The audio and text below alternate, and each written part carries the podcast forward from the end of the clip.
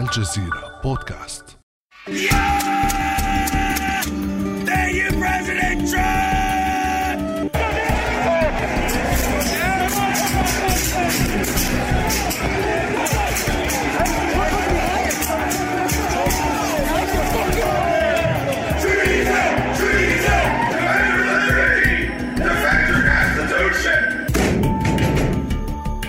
وسط هذه الفوضى وهذا العنف أثناء اقتحام الكونغرس الأمريكي في السادس من يناير خطف رجل الأضواء بزيه الغريب ووجهه الملون بالعلم الأمريكي وجسمه المغطى بالوشم.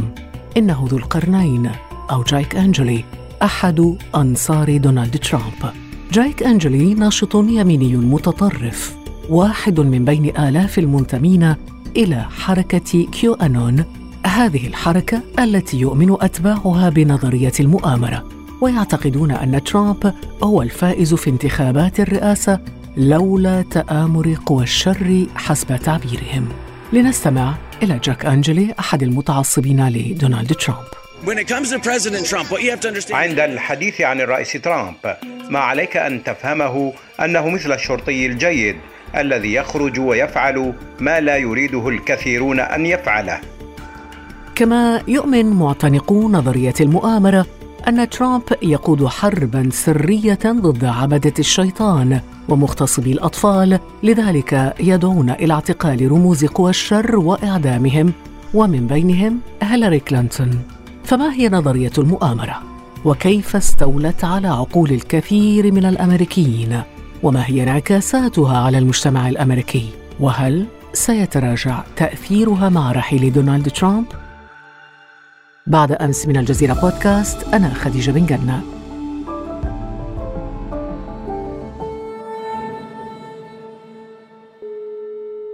لمناقشة هذا الموضوع يسعدنا أن نرحب بالدكتور نور الدين بكيس أستاذ علم الاجتماع السياسي بجامعة الجزائر. نرحب بك أهلا وسهلا بك دكتور نور الدين. أهلا أهلا وبكل مشاهديكم مستمعيكم الكرام. الآن مستمعين وليس مشاهدين.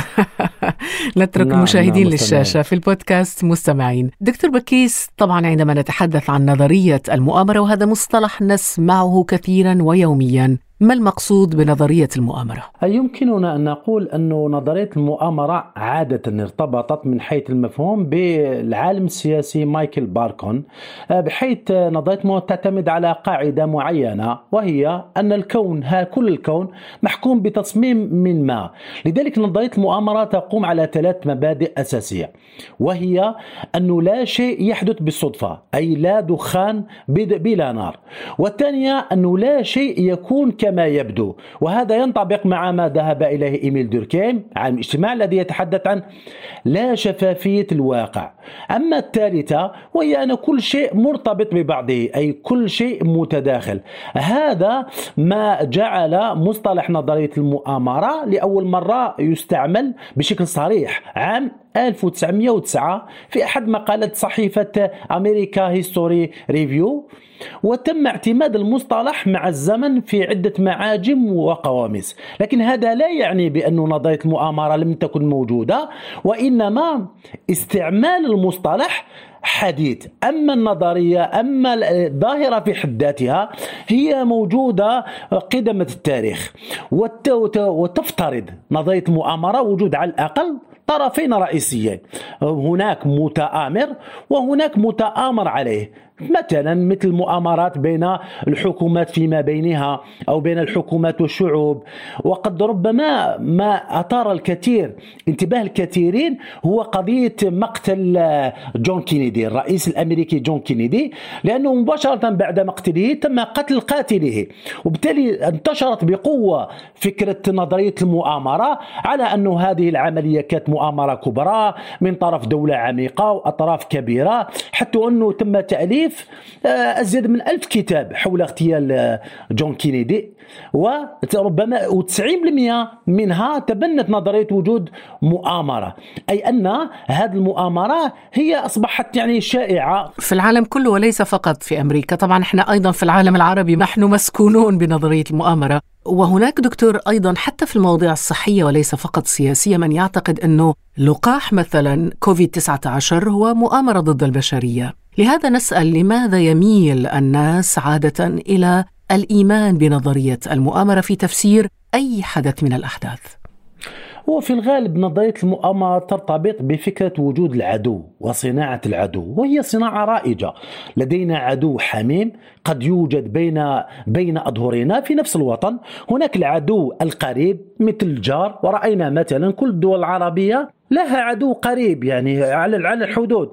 قد نجد العدو العالمي مثل ما كان موجود في السابق بين الإمبريالية وبين الصراع بين الشيوعية الاشتراكية والرأسمالية قد نجد حتى العدو الوهمي الذي لا نستطيع تخيله لكن يستعمل قد يوجد حتى في الأسر البسيطة الأسر العادية تستعمل نموذج العدو. العم ذلك العدو ربما الخال العدو وبالتالي الكثير من الناس يميلون لتبني هذا هذه النظرية باعتماد فكرة العدو المتربص هذا يزيد باستمرار عندما يشعر الناس بالخطر لأن الخطر هو المغذي لفكرة وجود المؤامرة وجود التهديد. ربما عن طريق الإعلام دكتور. لأن الإعلام هنا يلعب ربما دور في تضخيم الأحداث والترويج أيضا. لنظرية المؤامرة. أكيد لأنه السلعة الرائجة التي تستطيع أن تدر مداخيل هي الخوف.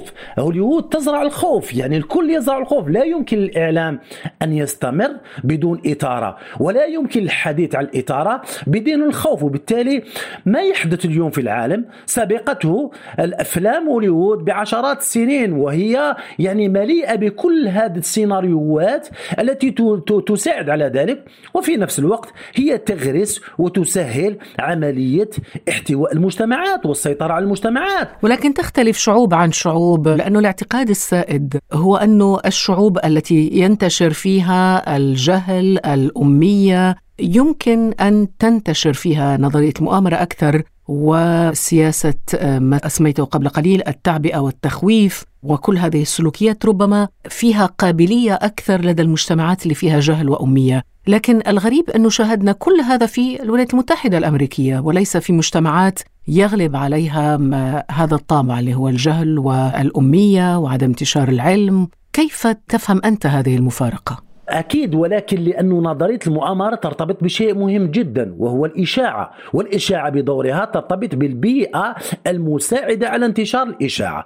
إذا انطلقنا من منطلق أن الدول الغربية هي دول تتمتع بالشفافية وبالتالي فمن المفروض أن ظاهرة المؤامرة تكون أقل انتشارا. بينما إذا عدنا إلى الدول المتخلفة ومنها الدول العربية الأكيد أن الإشاعة هي الأصل في تلقي المعلومة. وبالتالي التعرض التعرض لنظرية المؤامرة يعني قائم وقائم بقوة لأنه أهم شيء اليوم عندما نتحدث عن آه، نظرية المؤامرة. قوة نظرية المؤامرة في أنها تقدم الإجابات على أشياء أحيانا ضبابية وغير معقولة. لأن نظرية المؤامرة في الأخير هي رواية هي رواية تروي ارتباط بين أحداث وتقدم للمتلقي تطمينات على أساس كلنا ينزعج النتائج عندما لا يعرف حيثيات كل القضية وبالتالي يفضل أحيانا يفضل القبول القبول بإجابات ولو أنها غير معقولة لكنها تضمئ عطشه من المعلومة.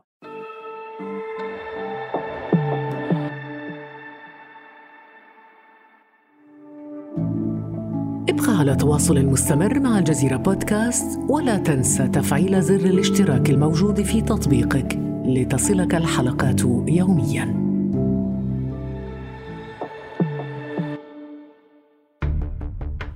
إذا دكتور واضح أنه الاعتقاد السائد بأن المجتمعات المتخلفة الجاهلة بين قوسين هي الأكثر استعدادا لاعتناق نظرية المؤامرة هذا اعتقاد غير صحيح لأنه ما حصل في الولايات المتحدة الأمريكية يعني يعكس هذه القاعدة. بدليل أن الهوس بنظرية المؤامرة دفع بالمئات إلى اقتحام مبنى الكونغرس الأمريكي في السادس من يناير وعاثوا فسادا في الكونغرس وتخريبا وتكسيرا وقادت أعمال الشغب والعنف. فهذه حركة تسمى كيو أنون حركة ترى في ترامب أنه هو الشرطي المخلص. أما هو فلا يعارضهم ولا ينتقدهم حتى وكأنه يشجعهم.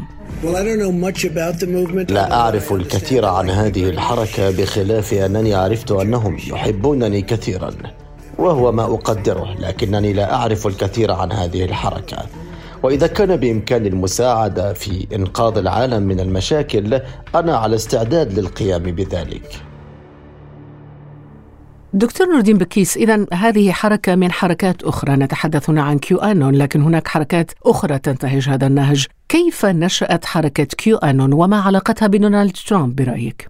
في 2017 نشأت مجموعة تسمى نفسها QAnon ويؤمن أتباعها أن Q هذا عمل في السابق مع الإدارات المقربة من الرئيس لكنه قرر الانفصال عنها للكشف عن معلومات استخباراتية خطيرة لذلك يؤمنون كثيرا بكلامه على أساس أنه جاء من داخل الدائرة من داخل دائرة صناعة القرار داخل هذه العلبة السوداء. كيون آنون هم جماعة من المتطرفين يؤمنون أن هناك مؤامرة سرية تهدف لإزاحة ترامب من السلطة من قبل الدولة العميقة. وهنا يجب أن نركز على الدولة العميقة على أساس أن هذا شيء معلوم في الولايات المتحدة الأمريكية. هم لم ينطلقوا من الفراغ. نحن نعلم أن هناك مؤسسات رسمية لكن في نفس الوقت هناك الإستابليشمون دولة بمؤسساتها العميقة تؤثر في القرار الأمريكي وتصنع القرار الأمريكي. وبالتالي.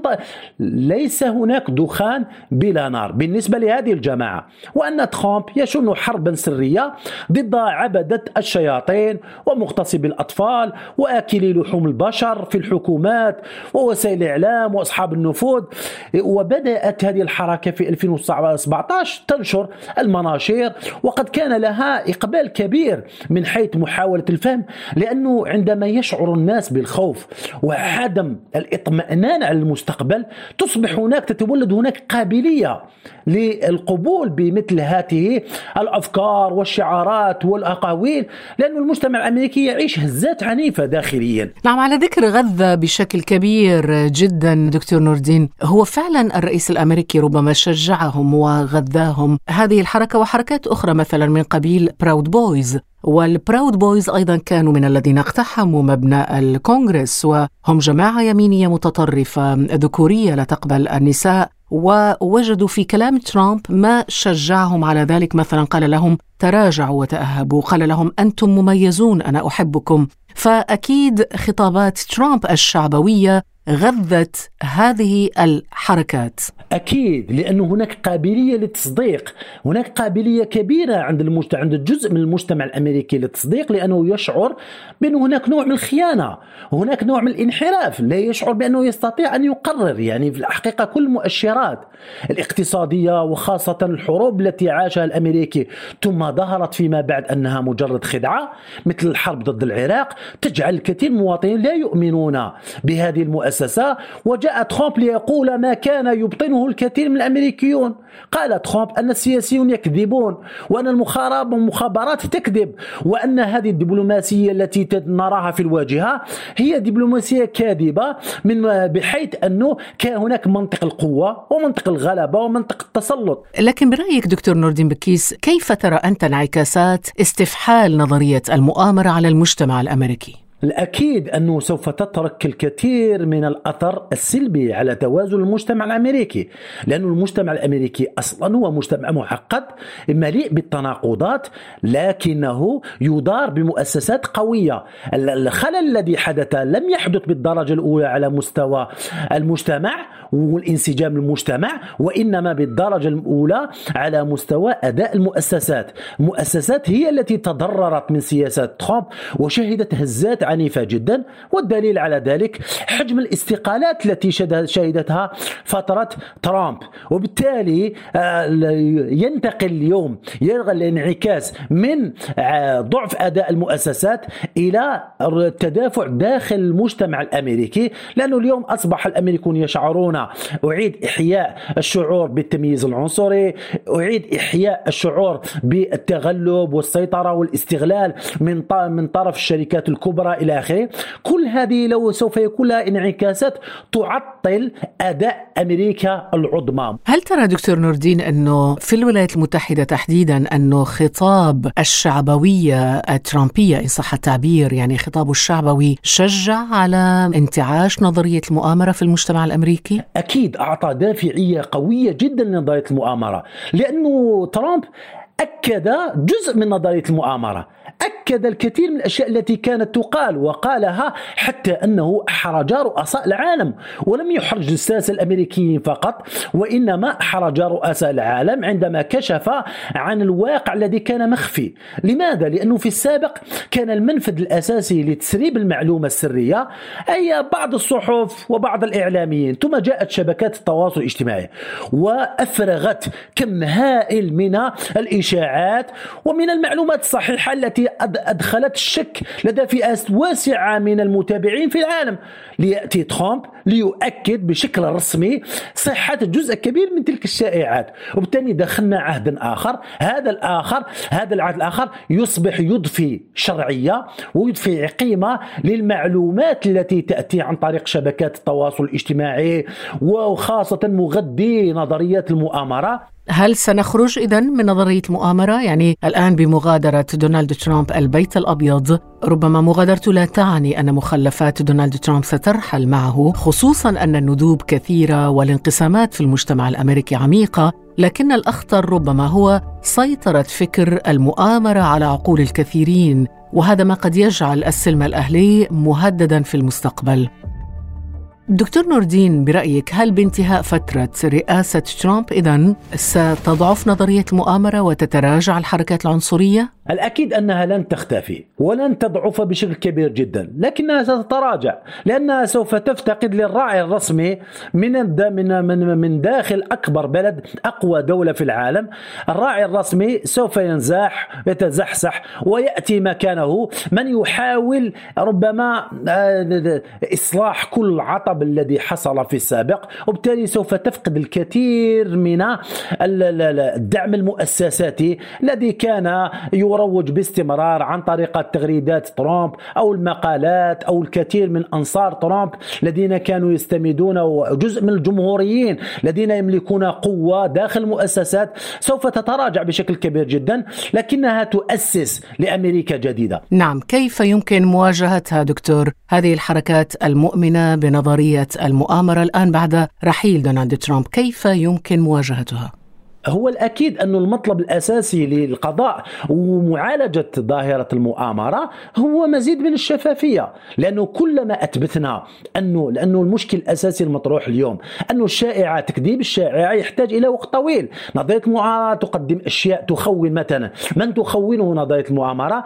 لا يملك أصبح أصبحت المعادلة معكوسة عليه أن يبرئ نفسه وليس على نظرية المؤامرة أن تثبت صحة ما تقول وهذا مشكل أساسي. حتى أنه الخطاب الأكاديمي أو العلمي لا يستطيع تكذيب ما يقال في نظرية المؤامرة بسرعة قياسية. يحتاج إلى وقت وهذا غير متوفر. وبالتالي هناك سنوات طويلة جدا وعشرات السنين أمام نظرية المؤامرة لكن قد تلعب الإدارة الأمريكية المستقبلية على فكرة توسيع دائرة الشفافية توسيع دائرة إيصال المعلومة بشكل دقيق جدا وعدم إخفاء جزء من المعلومة كما حدث في السابق خاصة بالنسبة للزج بالولايات الولايات المتحدة الأمريكية في حروب وصراعات كما حدث في السابق.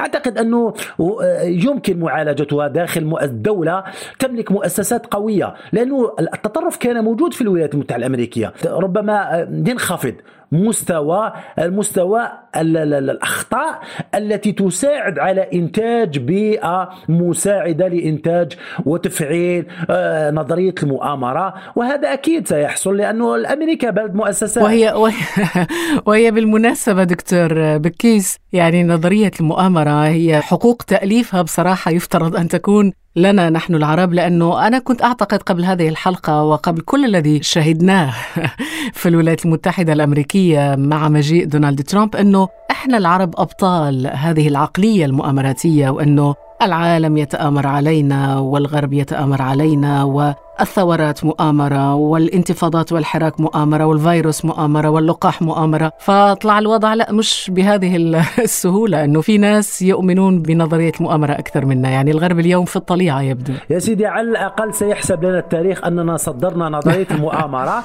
بقي فقط لم نصدر الشعارات بشكل كافي تنقصهم على الأقل قدرنا نصدر شيء. نعم لا على الأقل لدينا نحن نملك هذه. واستطعنا نؤثر في الواقع الغربي جميل جدا لكن الشعارات لم تكن تكن في المستوى تحتاج إلى مزيد من التصدير من قبلنا إن شاء الله. اذا نصدر غاز وبترول ونظرية المؤامرة أيضا. أكيد أكيد. شكرا لك على هذا الحوار الشيق دكتور نوردين بكيس أستاذ علم الاجتماع السياسي بجامعة الجزائر. شكرا جزيلا شكرا. بارك الله فيك.